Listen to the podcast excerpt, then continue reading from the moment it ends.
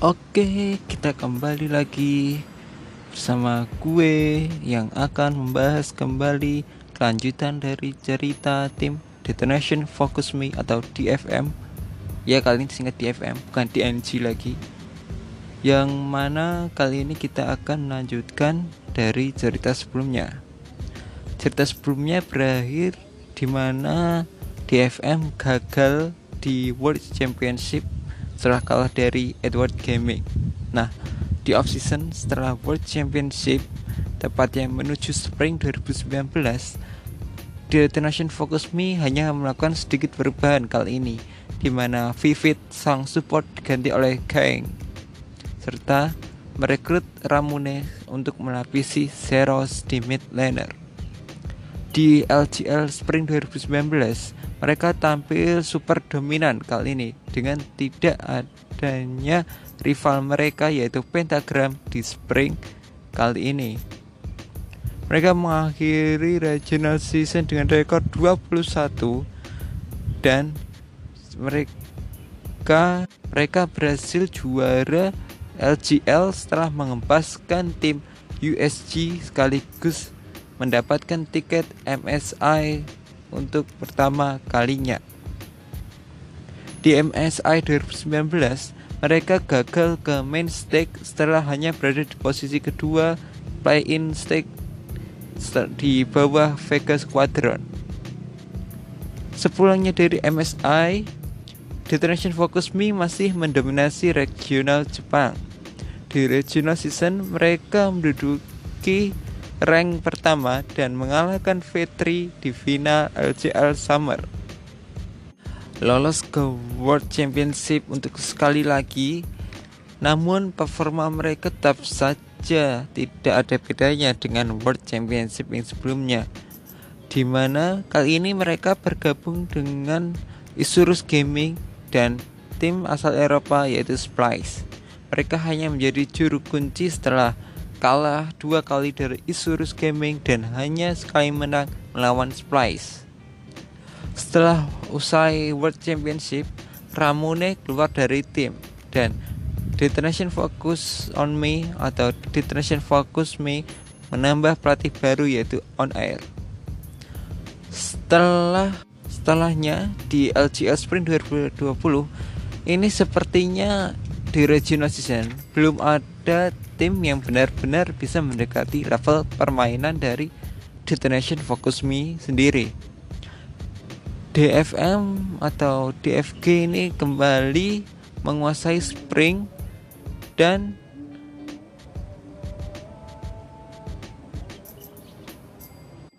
baru di playoff mereka merasakan kesulitan setelah kalah dari Sengoku Gaming yang diperkuat dua mantan pemain SKT yaitu Blank sang juara tahun 2016 atau juara World Championship 2016 tepatnya dan Pirean atau Pirin.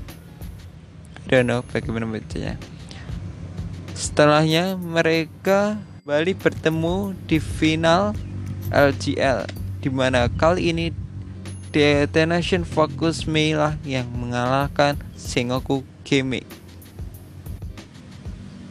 barulah di summer 2020 kali ini atau tahun kemarin DFG terasa terkena Kryptonite. Mereka hanya menempati posisi keempat di regional season.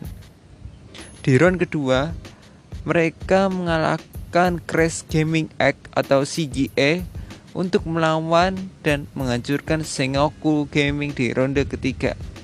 Di final playoff, mereka melawan V3. Sempat unggul 2-1, Vetri malah berhasil mengsweep DFG di dua game sisa sekaligus mengakhiri dominasi Detonation Focus Me di LGL. Ini merupakan kekalahan pertama Detonation Focus Me di final setelah kali terakhir pada Spring 2018 di mana mereka dikalahkan oleh Pentagram. Kegagalan yang mengejutkan di summer kala itu membuat Detonation Focus Me bergerak untuk memperkuat tim dengan merekrut Arya dari CGA atau Crash Gaming Act. Datangnya Arya membuat kekuatan di FG kembali muncul atau lebih tanya mendapat power up di mana mereka berhasil menguasai regular season kembali.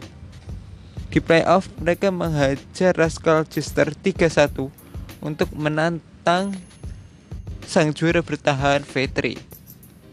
DFM sukses membalas kekalahan mereka di summer musim sebelumnya dan kembali menjadi shogun di LGL. Dan mereka pun untuk kedua kalinya lolos ke MSI. Oke, Detonation Focus Me. Tim ini adalah tim paling dominan di sejarah LGL sendiri. Bagaimana tidak? Mereka 10 kali juara LGL setelah atau dari awal LGL itu didirikan atau dimainkan. Namun meski juara sebanyak itu, performa mereka di internasional itu tidak sangat-sangat maksimal sepertinya. Bahkan kalau gue bilang jauh dari ekspektasi bahwa mereka merupakan juara dari regional Jepang. Mereka malah sepertinya itu cuma dibuat seperti tamu yang untuk datang ke suatu rumah kemudian langsung ditendang begitu saja. Dari MSI atau atau World Championship mereka tidak pernah masuk ke main stake atau main event. Selalu terhenti di play in stake. Mereka kalau gak salah di tahun 2019 lah paling bagus di mana mereka hanya tertinggal satu kekalahan dari Vega Squadron di MSI kala itu. Namun tetap saja mereka terhitung tidak lolos ke MSI pada saat itu atau main event dari MSI pada saat itu. Oke guys, jadi semua tim yang bermain di MSI kali ini sudah gue cerita sejarahnya secara singkat atau ya setidaknya gue buat sedikit-sedikit tidak terlalu panjang lah ya. Nah, bagaimana menurut kalian siapa yang bakalan menjadi juara MSI di tahun 2021 ini? Gak sabar kan? Kita tunggu saja mainnya pada tanggal 6 uh, ini nama apa ya ini kalau nggak salah oh ya 6 Mei kalau nggak salah oh ya tanggal 6 Mei atau hari Kamis besok. Hmm, kayaknya udah gak ada lagi deh yang harus gue bagi. Oke sampai jumpa. Bye